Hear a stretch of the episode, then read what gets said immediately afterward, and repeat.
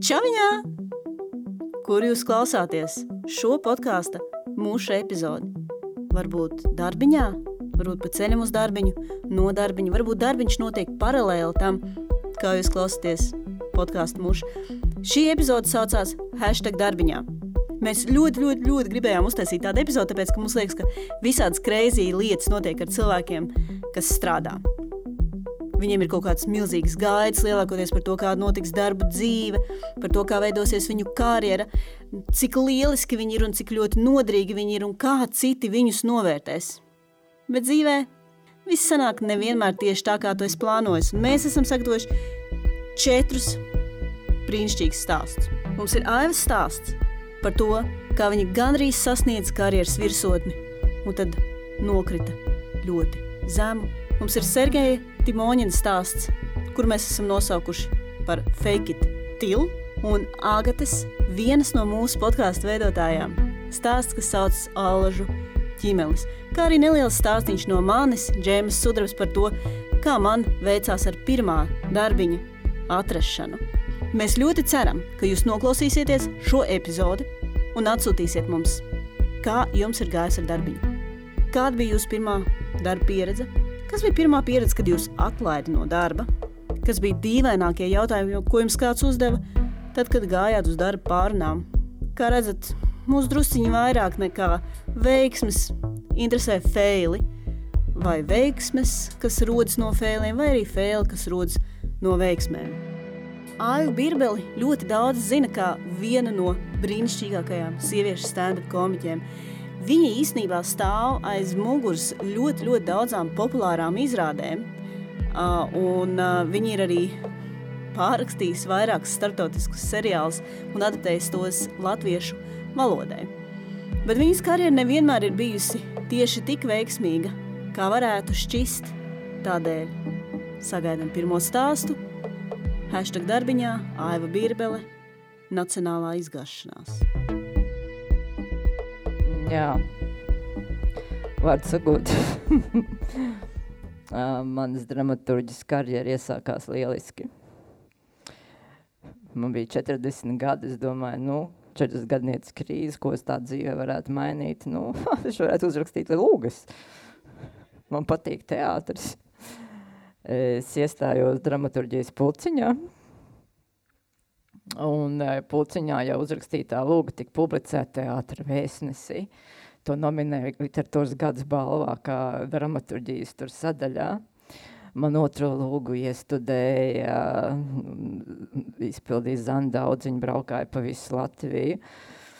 Man jau sāk nākt nauda, mazliet slavas, nu kas tālāk. 2011. gadā man paziņoja, ka man trešo lūgu iestudēs Nacionālajā teātrī uz lielās skatuves.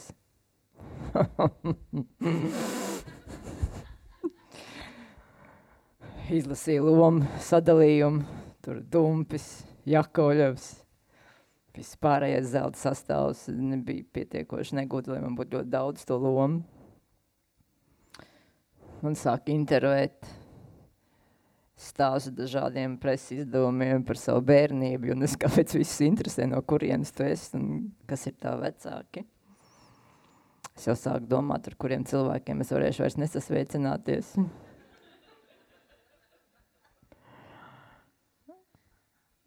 Jā. Bet ģenerāla mēģinājumā es sapratu, ka kaut kas nav labi. Un, um, un tu vēl tajā brīdī vēl ceri, nu, ka varbūt diennakts laikā notiks brīnums. Tu vēl skrien nopirkt dāvaniņas aktieriem vai režisoriem, jo nu, tā tradīcija, tu meklē kaut ko katram tādu, nu, tāpēc, ka tāda, nu, tās apdāvinās savstarpēji. Pienāk pirmizrāda pulcē dažādi cilvēki pie manīm pieskrien jau pirms izrādes uh, Gunārs Bībers ir tāds ļoti, nu, es domāju, akadēmiskā vidē, es esmu vidē cienīts pasniedzējs, kurš pieraksta rūpīgi manas lūgas tapšanas laika, viņš kolekcionē, viņi nu, rūpīgi pieraksta visu latviešu dramaturģijas notikumus. Un uh, izrāde. Tā bija Lūga saucās Kapu svētku PR. Tā bija uh, Lūga komēdija par trīs trakām vecenēm, kuras um, izdomā nodibināt kapu komiteju, lai kaut kā attīstītu savu kapsvētku kultūru, aktīvāk iesaistīt apkārtējos un lai piesaistītu uzmanību kapiem. Viņas vienam no soliņiem iezīmē milzīgu burtu M, un vietējo zemesargu pierunā izmeklēt šo noziegumu. Ļoti aizraujošs sižets. Jā, un tā ir komēdija. Pirmizrādē nesmējas neviens. Jā, ģenerāli mēģinājumi ļoti smējās, un blakus, tur blakus sēdošais vīrietis, kas gan arī tika sniegt zināmas cerības, tikai izņemot faktu, ka viņš faktiski smējās visu laiku. kā, acīm redzot, viņam nebija kaut kas kārtībā. Bet, nu, bet tu vienalga, tu cer līdz pēdējam. Nu, tak, jā, šajā izrādē gan bija viens uh, mirklis, ar kuru es lepojos, pat tad, kad es jau atrados zināmā šoka stāvoklī. Mm, kā jau kapu kultūras veltītajam pasākumam, uh, tur arī bija goti ieviesti, un uh, viņiem bija tik fantastiski skaisti kostīmi. Es nezinu, es būtu miera atpirkt tās aktrises to kostīmu, ja vien viņai nebūtu XS izmērs, bet Jā, un uh, bija izdomājuši tie izrādes veidotāji super, nu, kad uh, uzrā, nāk goti uz Nacionāla teātra skatus, nu, kādu mūziku varētu skanēt. Nu, protams, Merilins Mansons. viņa nāk virsū un dāda, viņa dziesma dīzi izdeņu šit. Ļoti zīmīgi dziesma izrādīja. Tā, sakot, nu, jā, bet, nu, mm, diemžēl, izrādi iet uz beigām, un es pēkšņi saprotu, es šokā, eju, bet tur beigās tik ir jāklinās. un tur beigās taču sauks autoru, autoru, jo tā Nacionālā teātrī dara. Es domāju, baigi labi, ka es jau, es jau kaut kā zināju, es jau sēdēju diezgan tuvu durvīm, jo tā doma bija, nu, ja man paliks tiešām tā, ka jā, tā jāskrien ārā paģības, nu, lai tā kā tuvāk. Es domāju, nē, viss te tu, es lavos, es lavos ārā, lavos ārā. Jā, tagad tūlīt beigsies, es skrienu, skrienu tur vai tā kā aizkulisēs izskeza. Un es apmaldos. Un es ieskrienu, tā kā tā stulbā situācija komēdijā. Es ieskrienu pa nepareiziem kaut kur tur sapinos aizskaros. Es tīrinos tur kaut kādā ārprātā, mēģina mums tās šausmas, ka viņi tūlīt sauks to autoru un, un viņiem nāksies ilgi saukt. Tā jau, this is new shit. Autori nevar tur pusstundu vēl bļauj autoru, autoru. Tā pēkšņi kāds man izvāk no tiem aizskariem. Tas ir Nacionālā teātra direktors. Ojārs Rubens. Viņš man tikai uzgriež, uz, uzgrūž tās skatos, nezinu, tā kā izskrien, viņu jau tā kā sauc jau, au, un, un es klītu, es jau esmu šeit, es jau esmu šeit. Nu tā doma, ok, nevajag fiks, tagad šeit notiek kauna viss. Un, un, bet, nu labi, nu pieklēps aplaus, protams, tur izskan. Bet, redziet, tas jau nav tā paklanies un aizēj. Ir jau arī oficiālais bankets kur visi saka tās oficiālās paldies runas un dod vārdu arī cienījamajai autorei. Cienījama autore. Es neatceros, ko es teicu. Es neatceros. Vēl tieši pēc arī tās pirmizrādes, kad backstage'ā tur to savu puķu pušķīti, tur, tur stāv, ko tev radinieki laimīgi piesūtījuši. Man, tur sēdēja mans uh, pedagogs un režisors Rīnieks. Viņš tā sēdēja bēdīgi meklēja vārdus, lai man ko pateikt. viņš tā, nu jāredz, tā jau ir ar tām tavām lugām, ja intonāciju nomaina, tad nepabeidz teikumu iedod man tādu Rīgas šampaniešu pudeli. Un tad es ar to Rīgas šampaniešu pudeli arī Bruno teicu un tā. Un um, aizgāju mājās. es nekad tā dzīvu, ne, ka, nu, ka tu sēd uz dīvāna, kliedz, raudi. Vēl stulbā Rīgas šampanieša pudeli rokā. Ja tagad es divu, mm, Rīga, Rīgas šampanietis, cik zem var nokrist. Jā. Nu, pēc tam es cēlu savu līmeni, es turpmāko laiku diezgan ilgi pavadīju, izdarot tuvāko vīnu veikalu. Es lasīju komentārus teātra mājas lapā, raudāju dzēru. Um, starp citu, kopš tā laika es, es arī pirms tam nebiju nekāda komentāra rakstītāja, bet nu, kopš tās reizes es tiešām nekad neesmu nekad neko rakstījusi, jo kaut kā, ka tu pats izbaudi to. Cilvēki nav vienkārši kritiski, viņi ļauni. Nē, um, tas kaut kā tā, jo, piemēram, viena bija uzrakstījusi, es ceru, ka šī autora nekad neko vairs mūžā neuzrakstīs. Jā, Bet, uh, nu jā, un kādu laiku arī diezgan ilgi es neko arī nerakstīju. Bet um, šī, protams, nav vienīgā karjera, kur man izdevās pakāst. Um, uh, tirgu, kā jūs saprotat, noturējos tikai divas nedēļas. Lielveikalā man neizdevās tik tālāk par plauktiņu kārtotāju. Nu, labi, kafejnīcā es uztaisīju karjeru no trauku mazgātājs par vecāko pārdevēju. Arī man striptīs dejotais karjeru neizdevās. tā bija tikai viena reize. Tas bija 1995. gads. Es mācījos aktieru fakultātē, un man piedāvāja burvīgu haltūru. Rogrupai Monroe ir vajadzīgs skandāls. Viņiem ir vajadzīgs, lai meitenes roka, nu, roka dziesmas laikā izskrien uz skatos un izģērbjās. Protams, es man liekas 15 vats solīju 95. gadā, un tas bija ok. Es nopirku sarkanu krūšu tur. Sporta manēžā toreiz vēl bija tāds tirdziņi visā tāds šausmīgi nopirkt to sarkano krūšu tur. Domāju, viens to var, tur izdarīt. Piekrīt arī piedalīties viena no, ko neteikšu tagad vārdu, jo viņa tagad ir saņēmusi jau Lilītas Bērziņas balvu par savu aktieru mākslu un tam līdzīgi. Bet viņa neatnāca to pasākumu. Var sakot, es paliku vien pat. Skan grupa Monroe savām ģitārām. Man liekas, bija tā dziesma, to piedod es tev. Kāds ir, neviens nav tik vecs, tad dziesmu atcerētos. Un tad es iedomājos, jo haidī, Parasti visi runā par savām tur erotiskajām tur fantāzijām. Jo man tur ir pilna zāle ar džekiem, metālistu ādas jakās. Kāpēc nē? Es iešu arī, un es to izdarīšu. Un es izvirpuļoju.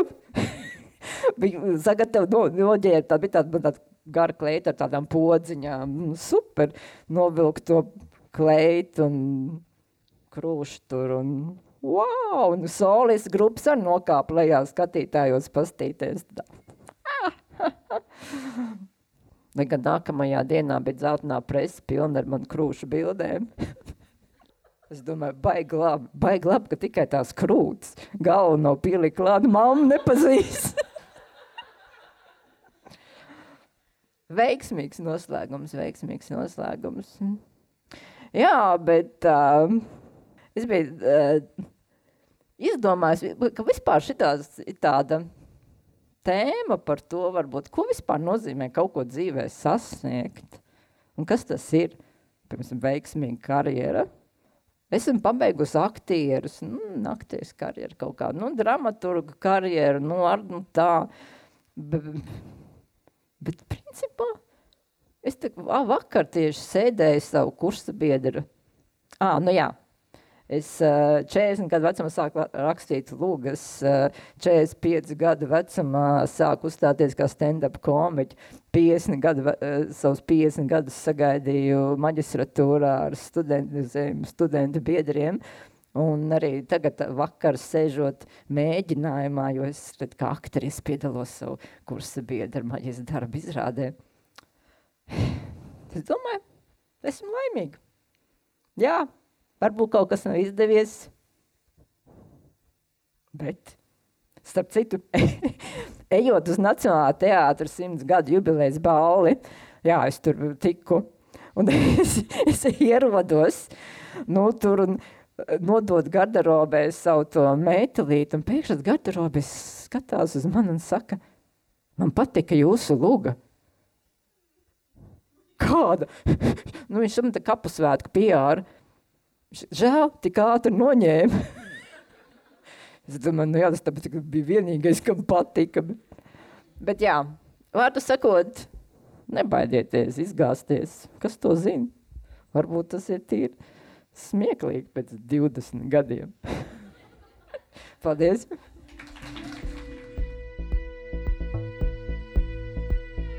Ja jums patika Airas Bībeles stāsts, sekojiet viņai Instagram, sekojiet sieviešu stand-upam.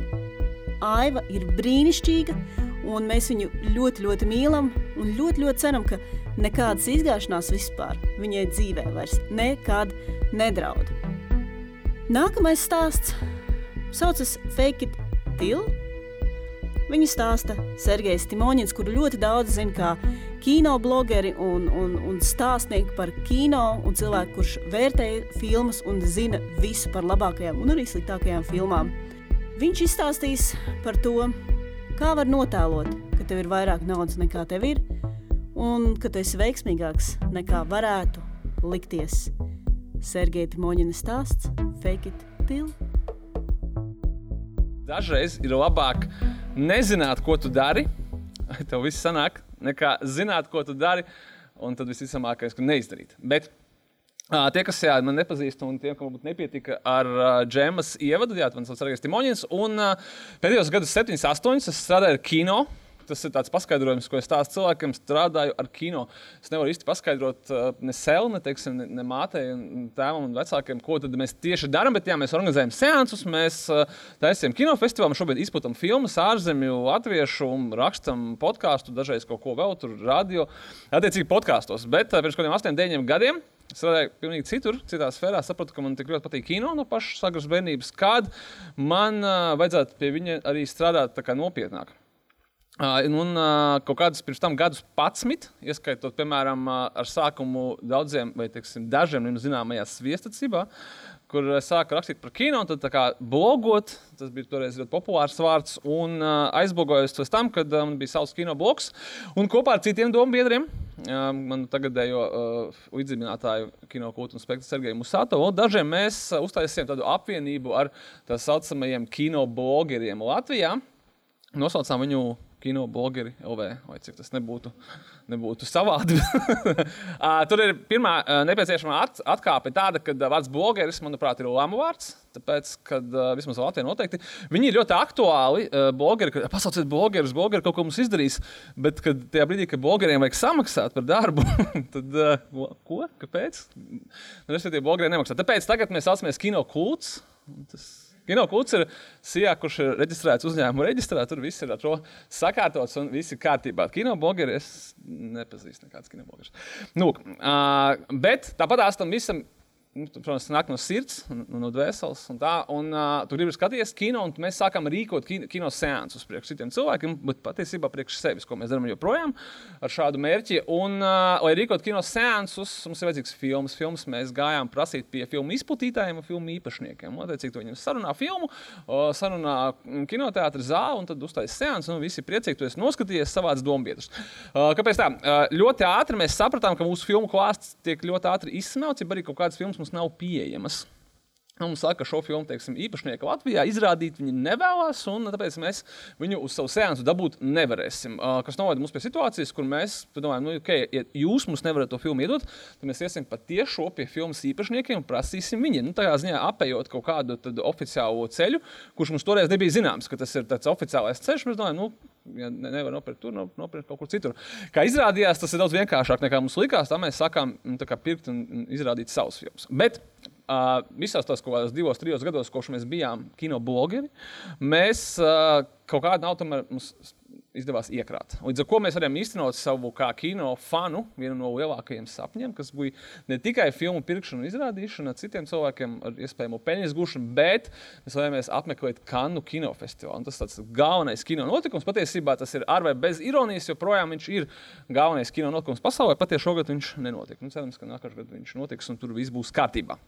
Par Kanu kinofestivālu teiksim, es pirms brauciena zināju tikai to, ka viņš ir, ka viņš ir kanāls, notiek, un, uh, un kad viņš ir uh, nu, tāds uh, high-ends, un tur ir viss kaut kādi smalkie cilvēki. Smalkais kino, es pats esmu tāds bijis tāds varbūt zemāks kino skatītājs, man patīk vairāk izklaidēs kino un hobu, un tas ir normāli. Bet uh, tad mēs devāmies uz kanām kur mēs akreditējāmies kā uh, kinoblogeru protams, toreiz. Un tas bija 2014. gads. Uh, un uh, no Latvijas kanāls, uh, kā no presa, tika akreditēti seši cilvēki, Pirmais ir Dita Rietuma kinocentra vadītāja, otrs uh, Daira Aboņa, un tad četri cilvēki, kuriem bija klāts rakstīts kinoblogeri.lv. tas bija tajā kanu katalogā, un es domāju, bācis, tas kāds, viņi droši vien vienkārši piedūrās šādā veidā, tāpēc, ka, nu, skaidrs, ka Latvija kaut kāda 185. valsts pēc kārtas, kuru tu akreditē, un tajā brīdī tu jau sāc, nu, taisīt kaut kāds, spēlēt tos bullshit bingo visāds, un, un līdz ar ko tas bija tas ārkārtīgi, ārkārtīgi asprātīgi. Nu, viņa puse. Uh, uh, ar Kanu kinofestivālu arī tā, ka uh, Viņi tev akreditē, tas ir bez maksas. Vismaz toreiz bija, un vispār to darīja pats. Ja tiem, kas nezina, Kanas ir, ir mikroskopiski maza pilsēta, slēdz ciemats vidusjūras krastā, blakus Nicai, un viņā dzīvo 30,000 cilvēku ikdienā. Nu, un, un, dažas reizes gadā uz kanām sabrauc apmēram desmit reizes vairāk. Nu, uz festivāla, kad 300 tūkstoši piebrauc klāt. Līdz ar to viņiem ir kaut kur jādzīvo, un, un tas ir anormāli, anormāli dārgi. Nu, to mēs uzņēmām tajā brīdī, kad mēs jau bijām nopirkuši avio biļetes un sapratām, ka mums īstenībā nav kur dzīvot. Līdz ar to mēs devāmies uz kanām un mēs dzīvojām kempingā pie kanām, uh, kur mēs uzbūvējām telti. Tāpēc, mums bija tā telts vieta, kuru mēs dabūjām ārpus kārtas. Esošās telts vietas, esošās kempinga mājas un visas pārējās vietas jau bija izpirktas.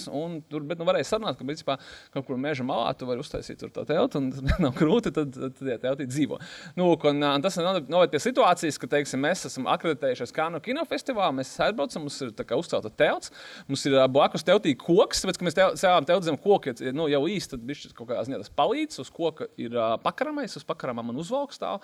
Tas es speciāli šo, šoreiz uzvalku, jā, vai mums ir tāds priekšstats, bet man bija toreiz tāds uh, sidraboti pelēks uzvalks un, un balts krekls. Un tad tu no rīta pamosties, un tad tu aizvien nomazgājies, tad uzvalks to uzvalku. Un, protams, viņš karājās kokā, nu vai viņi normāli izpūšo, viņš tur nav saburzījies. Tu viņu uzvalc, tad aizēja ārpus kempinga, iekāp uh, tajā pilsētas autobusā. Un, mēs nebijām vienīgie kino cilvēki, kas uh, dzīvoja kempingā un kas dzīvoja teltīs. Uh, Kanās tur teiksim, bija, es atceros, tajā gadā bija uh, filma, kura dabūja balvu vienā no konkursiem. Viņa bija no Rumānijas, un tie cilvēki, tā filma bija par pusaudžiem. Viņi dzīvoja lidostā. Nu, Nīcas, tā, kā, tā nav joks, viņi atbrauc uz divām dienām, viņi dzīvo abas dienas lidostā. Mēs dzīvojam teltī, tā kā kempingā tas bija diezgan, diezgan, diezgan forši. Un tu aizbrauc uz, uh, uz centru, tu izkāp ārā vienu pieturu pirms tā pašas galpunkta, nu vai tev neredzētu, ka tu izkāp no autobusa ārā, protams. tad tu tā kā izlaiž ārā to savu bedžiņu, uzvelc saules brilles, un tad tu tā kā ej garām un, un paēj visai tai rindē cilvēkiem, kas grib tikt tur iekšā, es tā aizžogojam, un tad tu kā pasaki, jā, es esmu festivālā un tā. Nu, Tā kā tas bija baigi forši, un, un viens to tā neuzzināja. Daži nekad nebūtu uzzinājuši un neprasījuši, ja mēs nebūtu izstāstījuši. Uh, bet mūsu mērķis, mērķis Kanu kinofestivālā ir, protams, nopirkt filmas, tāpēc, ka Kanu kinofestivālā ir tā skaitā arī kino tirgus. To droši vien arī nezina daudzi, un tas arī pārsvarā, kad ir ziņas par Kanu kinofestivālu kaut kur mēdījos, tas netiek baigi afišēts, bet tur ir pasaulē jāsaka, viens no lielākajiem, samalot, vai lielākais kino tirgus, kur var nopirkt visas filmas, kas gan ir festivālā, kas gan nav festivālā. Tur nopirkt arī, piemēram, Stevena Sīgela jaunākās filmas un visu kaut ko ļoti, ļoti foršu. Mēs, es gribēju teikt, mēs festivālā nopirkām trīs filmas, ļoti dažādas. Par to mēs izsūtījām presrelīzi. Mēs nopirkām divas filmas, ļoti dažādas, un trešo mēs nedabūjām, tāpēc mums tajā presrelīzē nebija jēga, jo viņi balstījās uz to, ka viņas visas trīs ir ļoti, ļoti dažādas. Nu, kā, un uh, vēl mēs katru, uh, tas, tas autobusu brauciens bija līdz McDonald's. Pieturēties, ka tu ej McDonald's katru rītu, jo kanās nenormāli, nenormāli, viss, viss ir dārgs, bet uh, tas ļoti savādi, ka McDonald's nav, tas, nav tās sliktākās brokastis, pat ja tas ir kaut kāds 10, 11 dienas pēc kārtas. Nu, nevaramait, uh, Kanu kinofestivālā mēs uh, aizgājām uz kino tirgu, kur mums uzreiz pateica, ka uh, žurnālistus un īpaši blogerus un uh, kanās visi badži, ar kuriem tu kaut kur iekšā, Viņi ir pēc krāsas nozīmē. Tad normāli tāda segregācija, tā kā baltie cilvēki, tad ir tad sarkanie cilvēki, zilie cilvēki, un tad tur tie zeltainie, kas ir paši, paši, pašā apakšā. Un tas tieši tā darbojās, ka uz tevis skatās uh, nievējoši, vai uz tevis saka, ja nāciet, lūdzu, jūs esat baltais cilvēks ar to balto badžu, kuru tur dabūna Guardians vai New York Times vai kaut kā līdzīga. Uh, bet uh, kino tirgu ir kino profesionāli, līdz ar ko žurnālisti tur vispār negaida. Mums pateica, ka lūdzu, dzēni neiet projām un atpakaļ nekā vairs nenāciet un netraucējiet citu cilvēku darbu. Bet tur bija tā kā life hacks, kur badžiem ir dažādas krāsas, bet, kam nav dažādas krāsas, tiem tā siksniņai, viņa tā, tā telekomunikācijas giganta Orange, un viņas visiem pilnīgi vienādas. Tad, ko tu vienkārši paņem, to badžu ieliec žaketes iekšējā kabatā, nu vai viņš tā kā nekratās to tur, un tad tā iekšā un vienkārši nerāda savu badžu, un tā mēs, tā mēs iegājām un tā staigājām turpu šurpu un piemānījām kinotirgus apsardzi. Līdz ar to un, un, mūsu mērķiem, atgriežoties atpakaļ, bija nopirkt uh, kaut kādas filmas.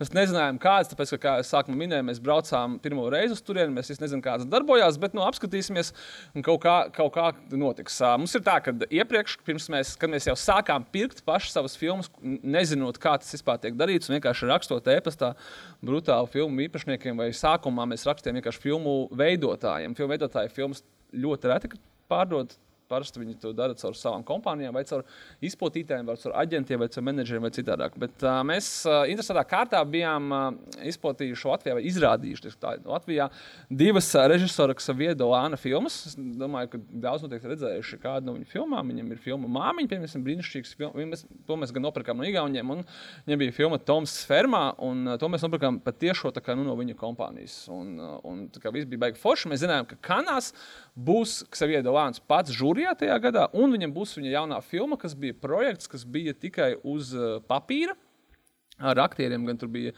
Tur bija uh, Vincents Kasels, tur bija Marijona Kotijā. Nu, tādā ziņā, ka mums liekas, ka tie ir pārdodami aktieri. Un, tā.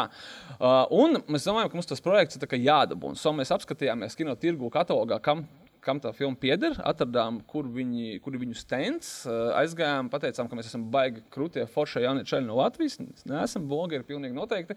Mēs esam, mēs esam butīka filmu izplatītāju pārstāvji, tāpēc mums ir tikai trīs izplatītas filmas, bet tas viss ir tikai sākums, un tūlīt jau tā iegriezīsies tā spirāli, un viss tas aizies, un principā, nu, baigi rulēsim, un mums vajag ar viņiem tikties un parunāt par to projektu.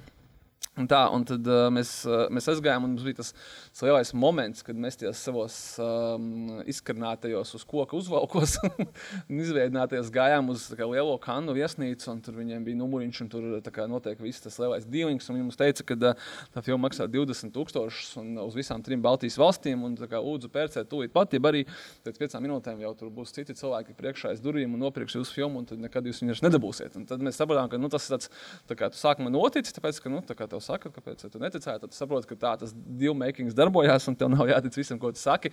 Uh, bet uh, beigu beigās uh, mēs viņam divas dienas runājām pēc tam par e-pastiem. Un, uh, mēs viņus pārliecinājām, ka tik daudz naudas mums nav, bet mums vajadzēja būt mazāk. Un, uh, mēs nopirkām to filmu par 12,000 eiro uz uh, visām trim Baltijas valstīm, un uh, mums nebija tās naudas. Tas ir viens, un mums nebija nekādu kontaktu Lietuvā un Igaunijā, kur mēs varētu kaut ko kaut ko kā, nu, sarunāt.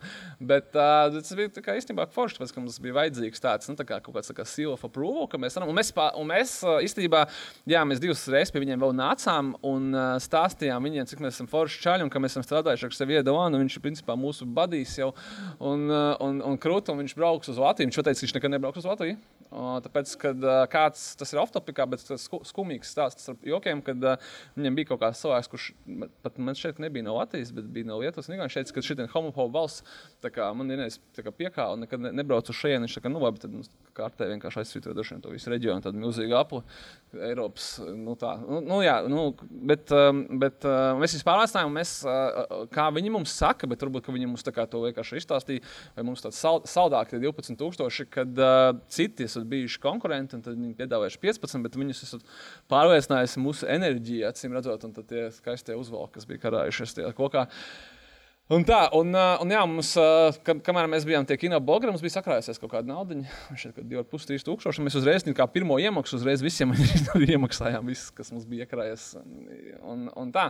Un tad mēs uh, pēc tam kaut kādu laiku domājām par to, ko mēs, ko mēs tagad visi iesāksim, kā mēs to darīsim. Ah, un tajā brīdī jūs saprotat, ka mēs bijām tik ļoti kā, in love ar Viedo Lānu, ka tā filma nebija nevis uzfilmēta, viņa bija, viņa bija scenārija līmenī, bet mēs to scenāriju nelasījām. Mums nebija tas baigi vajadzīgs. Nu, kā nu, mums patīk iepriekšējais filmas, kāpēc viņš uztaisītu kaut kādu sūdu pēc tam. Uh, viņš uztaisīja pēc tam, bet nu, varbūt tā nebija šī, tā nebija šī filma.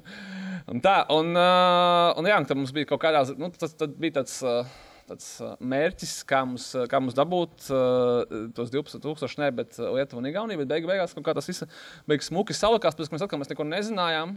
Un, uh, un mēs vienkārši padomājām, ka, ok, mums ir Igaunijā, mēs esam bijuši Tālānas kinofestivālā, tur ir kaut kāda cilvēka, ko mēs pazīstam. Mēs vienkārši zinām, klausāties, pazīstat kādu, kurš Igaunijā izplatīja savu iedavānu. Mums aizsūtīja atpakaļ pie tiem pašiem Igauniem, kas, pie kuriem mēs bijām nopirkuši filmu māmiņu. Viņi mums nopirka par 4000.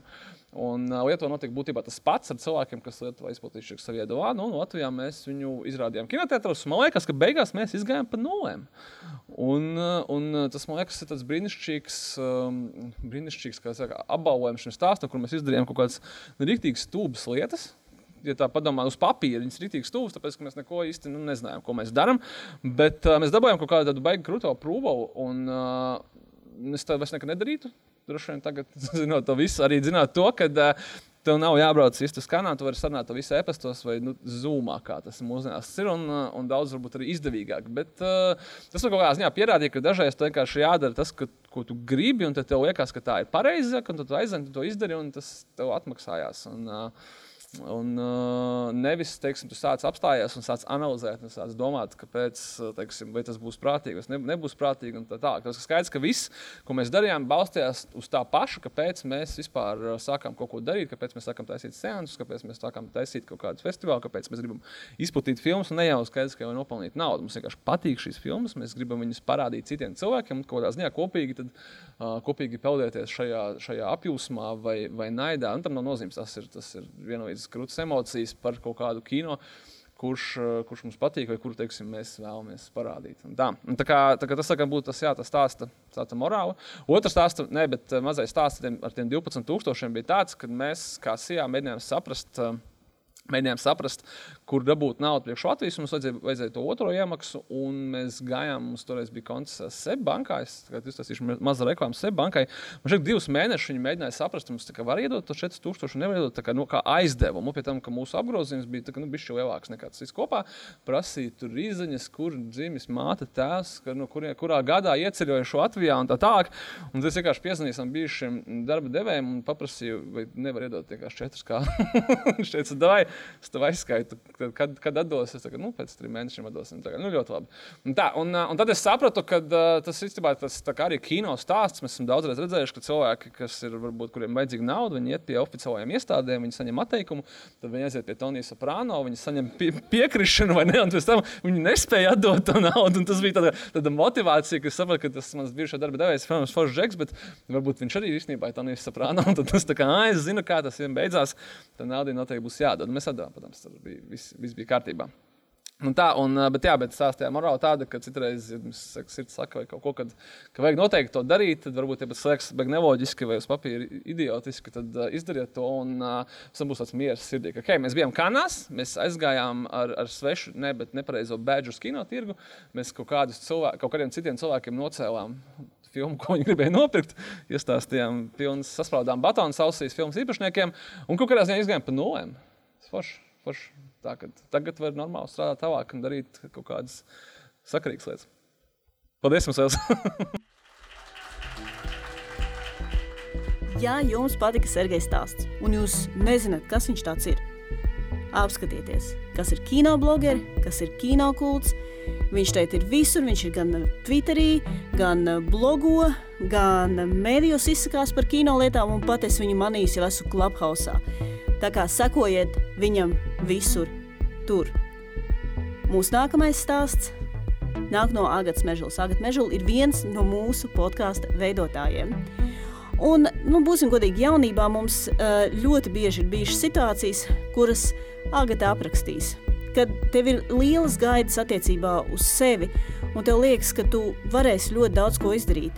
Bet tomēr tusiņi un draugi kaut kā vienmēr liekas foršāki un svarīgāki. Par to tad arī Agatas stāsts. Mēs to nosaucām par Allažu ķimelis. Es lasīšu no lapas, jo, kā jūs varbūt šī stāsta laikā sapratīsiet, man ļoti satrauc stāstīt cilvēkiem kaut ko par sevi. Tā tad um, bija 2014. gada vasara, un tā sākās ar to, ka es pabeidzu pirmo augstskolu savā dzīvē. Uh, un ieguvu bakalaura grādu režijā, kino un TV. Nu jā, tā tad uh, diezgan nepraktisku un principā maz pielietojumu izglītību dzīvē. Ja? Uh, nu, vismaz tā domā tie cilvēki, kas paši nestrādā šajā jomā. Un uh, pēdējos trīs mēnešus, rakstot bakalaura darbu, paralēli es arī biju dabūjusi darbu augstskolā, kurā es mācījos, komunikācijas nodaļā. Jo diezgan aktīvi darbojos uh, pašpārvaldē, un tad ar pašpārvaldi es biju iepazinusies ar dāmu, kas vadīja to komunikācijas nodaļu. Un, uh, tad, kad viņai viena kolēģi gāja dekrētā, tad viņa vienkārši uzreiz piedāvāja man atnākt, paintervēties uz šo vietu. Un, uh, un tad es uz to interviju aizgāju. Un, Tā bija tāda pirmā īstā darba intervija manā dzīvē, kas vienalga nebija ļoti īsta darba intervija, jo, principā, viņi bija tikai izdomājuši, ka viņi man ņems darbā. Man tā dāma prasīja, kāds grib algu, es pateicu, kāds grib algu, viņi man teica, paprasi vairāk intervijas laikā, es paprasīju vairāk, es dabūju to algu. Un, uh, nu jā, un tad tā intervija beidzās, un es aizgāju mājās, un es, um, viņi teica, ka viņi dos man ziņu nākamās dienas laikā. Un tad uh, es no rīta pamodos, un tā viņa man zvana, un es paceļu to klausuli. Viņa ļoti priecīga, tā bija ļoti jauka sieviete, tiešām vēl vien ir. Uh, nu jā, un viņa man zvana, un tad ļoti priecīgi saka, ka es apsveicu, mēs tā kā strādāsim kopā, tas būs tik forši. Un es, es tur, jā, paldies, tik forši. Un tad es noklausu, un rītīgi jau graudāju, jo es vispār negribēju tur strādāt, bet man vajadzēja naudu. Nu jā, un uh, tā tad es nostrādāju trīs mēnešus šajā augstskolā. Uh, Uh, tas vienīgais, man liekas, laiks arī manā dzīvē, kur esmu pa īstam strādājis tādu no 9 līdz 5 vakarā pie datora birojā jāsēž darba visu laiku. Un, uh, un tad, kad tie trīs mēneši, kas ir pārbaudas laiks, gāja tā kā uz beigām, tad man uh, piezvanīja draudzene un teica, hei, mums te ir tāds projekts, būs gaismas pils atklāšana, vai tu varbūt gribi aiziet no sava labi apmaksātā darba un nākt uz pusi mazāku atalgojumu saņemot strādāt projektu darbu uz diviem mēnešiem. Es teicu, jā, arī tik forši. Dai. Un, eh, nu jā, un tā es nostrādāju divu ar pus mēnešus darbā, kas bija nemaz nebija, jo mēs visu laiku braukājām ar mašīnu pa Latviju, un man kolēģi bija man, kā, visi labākie draugi. Tas bija rītīgi forši. Un, uh, nu jā, bet uh, nu, paralēli tam vajadzēja kā, domāt arī par to, ka beigsies vasara, beigsies tas darbs, un vajadzēs kaut kur strādāt atkal, jo vajadzēja to naudu dabūt dzīvē. Nu, jā, un uh, tad nu, es biju pabeigusi tos režisors, un tad man likās, ka vajag tādu ar savu jomu saistītu izglītību iegūt dzīvē. Un, uh, tad es mēģināju tādas vietas atrast, bet tas īsti nesanāca. Tad sanāca tā, ka tā vieta, kur es nonācu strādāt, bija stūrmāja, kas nu, nav īsti radoša vieta. Strādāju tur par ekspozīcijas uzraugu tajā laikā. Tad, tad, Nu, jā, nu, lūk, tā, tad, tā tad es nostrādāju vēl kaut kādu laiku tajā stūrmājā, kas bija atvērta vienkārši kā projekts. Uz, Rīga bija Eiropas kultūras galvaspilsēta tajā laikā, un stūrmā bija atvērta tikai uz sešiem mēnešiem. Nekad vairs viņa nebūs vaļā. Un tad, principā, šie seši mēneši pagāja, un tas darbs arī beidzās. Un uh, bija pienācis novembris. Um, un, uh, kas ir novembrī? Novembrī ir valsts svētku svinības. Un, uh, Mums tajā laikā ar draugiem diezgan tradicionāla vieta, kur doties 18. novembrī, bija folklubs Ala. Un arī šis gads nebija tikai izņēmums. Mēs arī šajā reizē pēc salūta nolēmām doties uz Alu. Jo nu, tur diezgan forši, tas to vecrīgai var uzreiz aiziet, kāds aiziet bišķi ātrāk, aizem galdiņu, tad viss tur aiziet, tur ritīgi latvisks noskaņams, viss dzied, tur forši. Um, nu jā, Vienīgā lieta, ko man vajadzēja paturēt atmiņā, jo es biju ļoti atbildīga, bija, ka man nākamajā rītā, pusdienas 11. no rīta, uh, ir darba intervija uzņēmumā, kurā es rītīgi gribēju strādāt, jo man tur piedāvāja montāžu režisoru darbu. tas ir tik forši, es varēšu strādāt tā kā savā jomā. Un, tā kā vajag aiziet uz to interviju, atbildēt uz visiem tiem jautājumiem, kas ir, kur tu redzi savu pēc gadiem, kā, kā tu palīdzēsi mums uzlabot šo uzņēmumu, kāpēc mums jāizvēlas tevi, nevis tos citus cilvēkus. Mīļākie jautājumi. Nu, jā, un, uh, nu, lūk, un tātad uh, es biju sagatavojusies, es biju atlasījusi kaut kādu portfolio materiālu datorā un uh, salikusi visu tā kā zināju, kur man ir jābūt. Tā vieta bija 15 minūtes no mājām. Rītīgi var paspēt, aiziet visur, rītīgi forši viss. Vienkārši vajag iekāpt pēdējā autobusā un aizbraukt uz mājām. Jā. Uh, nu, lūk, tā tad um, salūts ir beidzies. Ir 18. novembris, mēs ejam uz to alu, un alā ir forši, un tur viss tur dzied, un cērienī, un tā.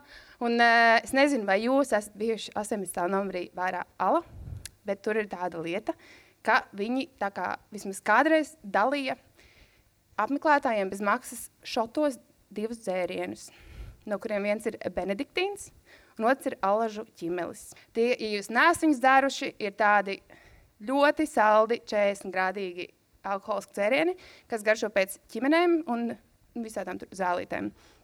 Un uh, alaša ķīmelis, piemēram, ir ļoti īpašs ar to, ka alaša ķīmelis ļoti garšo Anglijas karalienei Elizabetei II. Un Latvijas balzāms to arī piegādā uz Bekingams pili. Vismaz vēl nesen to darīja. Nu jā, tātad mēs esam alā, notiek tie saldie šoti un dziedāšana. Un, uh, un tā, un, un tad, ko draugi izdomā, ka vajag paņemt lielo krūzi ar vrenguļu alu vēl.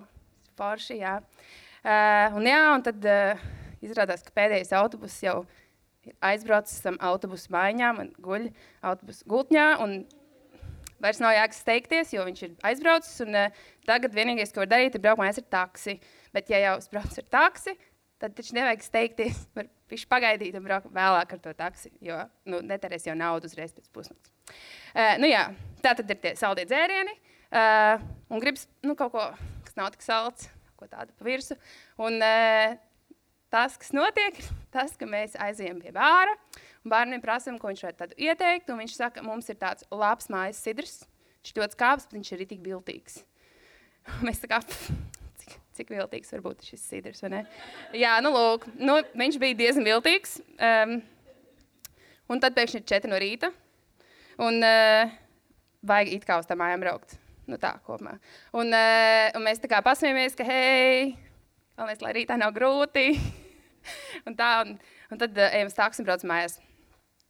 Nu, jā, un tad ir nākamais rīts. Un nākamajā rītā um, es pamostos. Un, uh, un es uh, nu, nozinu modinātājs, un es, kā, es viņu ar tādu rezervītu uzlikos diezgan laicīgi. Un, uh, nu, un es saprotu, ka ir grūti, bet grūti tā kā nav pietiekams raksturojums tam, cik grūti nu, ir tajā brīdī īstenībā. Jo nu, piecelties kājās īsti nevar, jo tiklīdz ceļojas kājās, tā kā sāk reibt galva un tāda sajūta, ka tur ir stikli un nagls iekšā, kas tā durās no iekšpuses un ļoti, ļoti nelabi. Un vienkārši paliek nelabi duša, bišķi pakustinot galvu šitā. Nu jā, un es domāju, kādas ir manas opcijas, man vēl ir laiks, es kā iedzeru ibmetīnu, kaut kā, ja, bišķi ūdeni un uh, uzliek modinātāju bišķi vēlāk un egulēt atpakaļ. Tā, un tad paiet kaut kāds laiciņš, un es kā pamostos, bet tas modinātājs tā kā nav skanējis, un es tā kā, oh, jocīgi, kaut kas, kaut kas tā kā nav. Pastos telefonā, saprotu, ka ir pulkstens 10.30, un uh, es esmu nevis uzlikusi modinātāju, bet vienkārši cipernīcā saspiedusi, tā kā, nu, numuru tā kā uzspiedusi. Uh, nu jā, un tad es tā kā pēc pusstundas tā interviju, un stulbi. Ko lai dara? Un, e, nu, es saprotu, ka ir viena lieta, ko es vēl varu izdarīt, lai paspētu laikā. Bet nu, ja ir vairāk soļi. Tad pirmais solis ir saģērbties, paņemt datoru un lietas. Un tad ir kā, grūtākā daļa, kas ir, ka man vajag ar mašīnu aizbraukt uz turieni. Jo es nevaru paspēt laikā vairs. Un uh, mašīna stāv tā kā mēs dzīvojam dzīvokļu mājā, bet pie dzīvokļu mājas pagalmā ir garāžas, un tā mašīna ir garāžā iebraukta. Pirmkārt, vajag viņu izbraukt no garāžas, tad vajag aizbraukt uz gala mērķiem.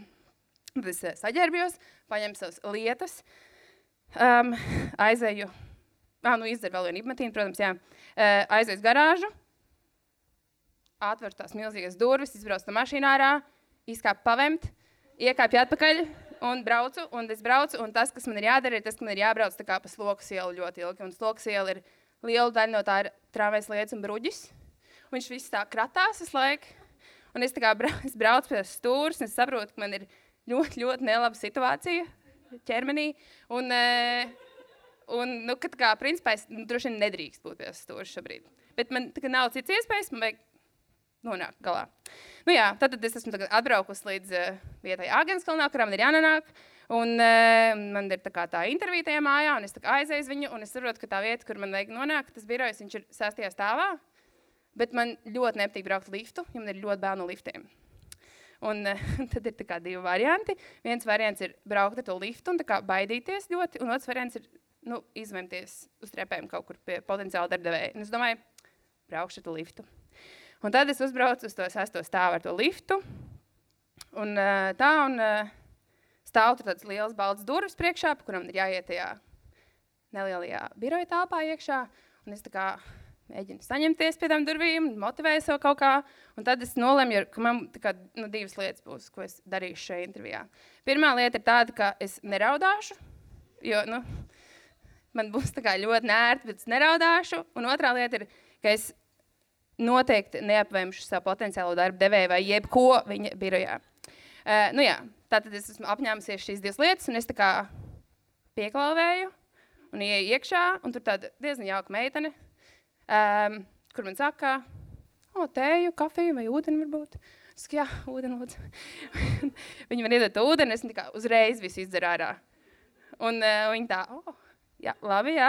Nu, varbūt vēl ūdenis. Kā, jā, labi. Un viņi man iedod to ūdeni, viņi paņem tā trīs rokas. Tā, tā nē, nē, nu, Edvards jau īstenībā normāls ir. Kā, nav biedējošs, nevajag tā satraukties. Tā, jā, nervi, nervi, ļoti satraukums ir. Un, uh, nu, jā, un tad es tā kā paņemu to ūdeni, un tur, ha, nervi. Un uh, ieiet tajā telpā, kur tas uh, priekšnieks sēž potenciālais. Nu, jā, un tad ir tā, ka es īsti neatceros, ko mēs tur runājām. Nu, ja tas nav ļoti svarīgi, ka mēs runājam, bet uh, principā es biju ļoti, ļoti sakoncentrējies uz to otro punktu savā plānā, kas ir devemt. Un līdz ar to man pēkšņi vienkārši vispār nebija laiks satraukties vai domāt par savām darba interviju trauksmēm, vai ko es atbildēšu uz eksistenciāliem jautājumiem, tādām lietām un uh, visām nu, savām parastajām bailēm. Un tā, un, uh, Tad šī intervija beidzās, es to darbu dabūju. uh, bet uh, es viņu ne tikai dabūju, bet arī tas uh, vīrietis, kurš man intervēja, man uzteica par to, ka viņš man izteica atzinību par to, cik uh, konkrēti un pārliecības pilns esmu atbildējis uz jautājumiem. Un uh, ka es vispār esmu ieradusies ārkārtīgi, uh, ar ārkārtīgi augstu atbildības sajūtu un, un ļoti labi sagatavot. Nu, jā, un, uh, tā tad es tad priecīgs, es dabūju darbu, un es tagad zinu, ka vienīgais, ko šeit dienā vēl darīšu, ir tas, ka es braukšu mājās, gulēt tumsā, neko nedarīt. Un tad es gērā, bišķi pavēmu un braucu mājās.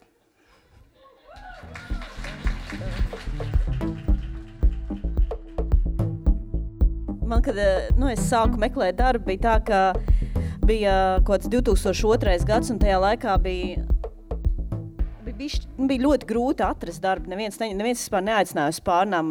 Un, uh, um, Man nebija pat tādas iespējas tā kā, piedzerties pirms pārnām, jo neviens man neaicināja viņā. Bet daži uzaicināja, un uh, tajā 2002. gadā bija tā, ka bija avīzēs jāmeklē tas sludinājums. Un ņēma Rīgas santīm, ir tāds, tāds laikraksts bija, savulaik, ko bez maksas visiem deva, un tad, nu, es gāju cauri purciemā visur, kur meklēju darbinieks, nu, vai centrā tuvajā, lai es varētu, nu, kamēr es Rīgas Stradiņu universitātē iegūstu politikas zinātnes grādu, varētu, nu, pastrādāt. Un, uh, man nu, gandrīz nekur neaicināja uz pārnām, jo man nebija pieredzes pēc vidusskolas, kuru es nevarēju iegūt tādēļ, ka man nebija pieredzes. Un, uh, bet bija dažas lietas, kas man uzaicināja. Un, uh, viena no tām lietām, vietām bija Šašliku pagasts. Un, uh, es nezinu, vai jūs zināt tā vietu, tā, tas ir tāds tā kā uz uh, um, viens no purciem lielajām ielām, uh, tādām tādā, tādā tā kā tipa mazdārziņu rajons, tur tāds, tā kā tas dārstiems, nu viņš bija daudz, nestilīgāks kā tagad. Un tad tur ir tāda, tāds milzīga teritorija, kur ir mazas mājiņas, pēc kurām, ja tu kādreiz esi tur bijis iekšā, tu zini, kad viņas ir redzējušas lietas.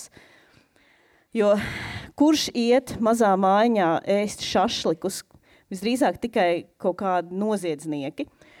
Un uh, man tas nelikās nevienā brīdī aizdomīgi, man likās, oh, wow, mājās ēst tik stilīgi, un to tikai noteikti bagātnieki var atļauties, jo nu, tad es nevien, ne, manā ģimenē bija maz neviens neēda ār, ārpus mājas. Un, um, Gāju uz tām pārnām, un uh, nu, viņi redz, ka es nu, tā kā tā dumiņa. Un, uh, un viņi man skaidro, viņi man saka, nu jā, bet šis būs ļoti atbildīgs darbs. Es saku, es esmu ļoti, ļoti atbildīga.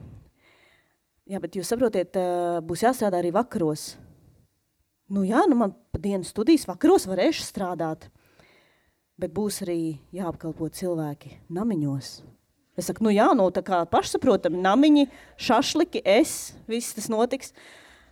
Bet mums ir arī viesnīca. Tur vajadzēs numuriņos apkalpot. Saku, bet kāda starpība, kur to šašliks nes numuriņā, tā kā namiņā, vēlu vakarā namiņā vajadzēs apkalpot. Es vēl joprojām neko nesaprotu. Es saku, jā, tas izklausās brīnišķīgi. lūdzu, ņemiet man darbā. Kas viņiem bija skaidri pazīme, kad mani nevajag ņemt šajā darbā. Uh, es aizgāju uz vēl dažām kafejnīcām, purciemā, kur mani atkal nepieņem, jo man nebija pieredzes. Uh, un man šķiet, es arī izskatījos nepilngadīga. Uh, bet tad parādījās kafejnīca Čaka ielā, kas man uzaicināja uz pārnām.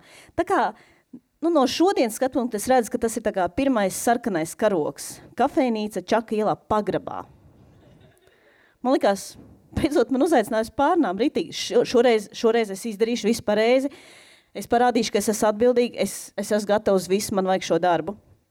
Es aizēju uz to pagrabu. Uh, lejā es esmu uz, nu, saģērbusies ļoti klasiski, lai parādītu, ka es esmu profesionāla. Un, uh, tur sēž tāds vīrietis, kas izstāsta kā Kirovs Lipmans. Un, uh, Un man, man ir pārunas tikai ar viņu divatā tajā pagrabā, jo, acīm redzot, vakars šajā kafejnīcā vēl nav sācies. Un es vēl joprojām neko nesaprotu, viņš man saka, ka vajadzēs būt ļoti laipnai. Es saku, es esmu ļoti, ļoti laipna. Es varu būt ļoti, ļoti, ļoti laipna. Bet mums ir dažādi svarīgi cilvēki, kas nāk uz šo kafejnīcu. Un ar viņiem vajadzēs būt īpaši laipnai. Es domāju, ka Dievs atkal tāpat kā tajā šašlikā pakastā. Nu jā, es esmu gatava būt laipna, es bū, esmu gatava būt ļoti, ļoti īpaši laipna ar visiem šiem cilvēkiem, ir īpaši svarīgajiem, ar svarīgiem cilvēkiem, taču jābūt ir laipnākai. Un viņš tā kā acīm redzot, redz, nu, kad vispār nes, cilvēks nesaprot, uz kurien ir atnācis un kas šeit notiek.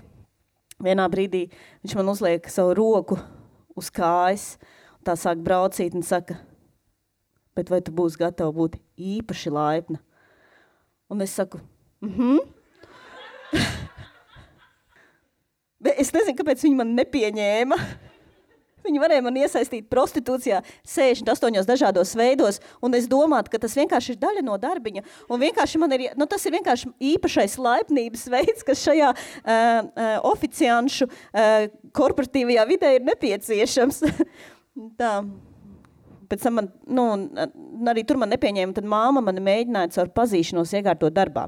Un uh, vienīgā viņas pazīšanās bija Vicems tirgu pie sievietes, kas pārdod uh, apelsīns. Un uh, viņi, nu, viņi tā sarunāja, ka nu, man tā kā tajā trial tādā versijā es varu aiziet vienu dienu pastrādāt tajā tirgu. Un uh, es esmu rīktīgi, es esmu gatava pirmkārt būt laipna, un es esmu gatava uz visu, lai tikai man būtu tas darbiņš. Un uh, tā sieviete kā jautā, nu vai es skaitīt protu. Jā, skaitīt es protu, man ir vidusskolas izglītība, man matemātikā bija pieci. Uh, tajā laikā, man liekas, bija pieci, nu varbūt septiņi, es nezinu. Nu, bija ok matemātika. Ja? Un viņa mani atstāja, viņa saka, labi, es aiziešu pusdienās, tu turpini pārdot. Viņa man atstāja ar tā kā apelsīnu kaudzi, bez kalkulātora. Mobilā telefona nav man ja, tāda lieta. Un, un ar svariem, kas darbojas ar atsvariem, kur tev tā kā jāliek un galvā kaut kas jārēķina. Es neko nespēju aprēķināt. Karš termināli tajā laikā nebija. Viss ir skaidrā naudā. Man ir uzreiz un stāv rinda ar cilvēkiem, kas grib visu laiku apelsīnus. Tā sieviete atnāk pēc pusstundas. Viņa nu, redz, cik es esmu ieņēmusi. Eh, naudas un atlaiž mani tūlīt pat. Jo es acīm redzot, neprotu būt nelaipna, ne, nu, ne arī skaitīt, es protu. Man tiešām glāba tikai tas, ka man McDonaldā pieņēma, jo tur bija, nu, tur bija ļoti zemes prasības, acīm redzot. Nu, lūk, šis bija mūsu pēdējais stāsts. Uh, paldies jums visiem, ka jūs atnācāt. Um, un, ja jums ir prātā kāds stāsts, tad uh, jūs varat pienākt pēc tam pie manis un uh, mēs varam parunāties. Paldies liels vēlreiz, ka atnācāt. Paldies visiem, kas klausījās podkāstu Mūša 4. epizodi. Paldies jums visiem, kas mums raksta. Un paldies tiem, kas ir atsūtījuši savējos stāstus mums uz podkāstu muša at gmail.com. Šerojiet un laikojiet, stāstiet saviem draugiem par podkāstu muša. Tās ļauj mums ietaupīt naudu, ko mums būtu jātērē uz reklāmām, un mēs varam to veltīt tam, lai cilvēkiem palīdzētu izveidot labākus stāstus un uztaisīt foršus pasākums, kuros mēs varam ar jums satikties. Šo podkāstu veidoju es, Džēma Sudraba, kopā ar Mārtu Hercu, Agatu Mežulu, Montu Kaivu, Alisu Krauju un Keriju Broku. Paldies jums visiem, ka klausties! Un tiekamies nākamajā epizodē, kas starp citu sauksies Es esmu cilvēks.